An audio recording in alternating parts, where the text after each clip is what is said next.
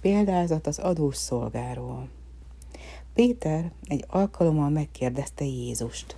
Uram, hányszor kell megbocsájtanom atyám fiának, ha ismételten védkezik ellenem? Hétszer? Nemhogy hétszer, hanem hetvenhétszer, felelte Jézus, majd így folytatta. Hasonlatos a mennyek országa a királyhoz, aki számot akar vetni szolgáival.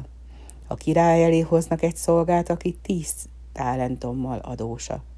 Mivel nem tudja megfizetni, a király megparancsolja, hogy a szolgát és feleségét és gyermekeit adják el rabszolgának, hogy így fizesse meg adósságát.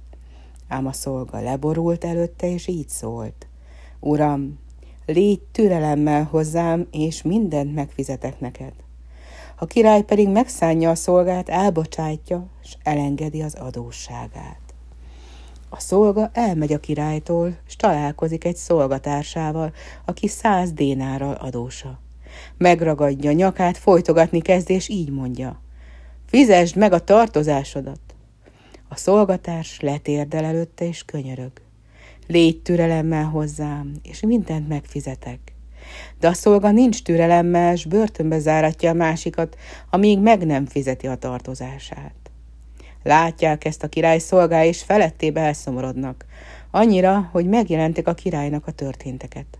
A király pedig hivatja a szolgát, és ezt mondja. Gonosz szolga, én minden adósságodat elengedtem, mert te olyan keservesen könyörögtél hozzám.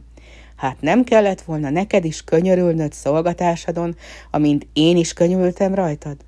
És a király haragjában a porkolábok kezére adja a szolgát, amíg meg nem fizeti adósságát ekképpen cselekszik veletek az én mennyei atyám, ha nem bocsájtotok meg szívből egymás védkét.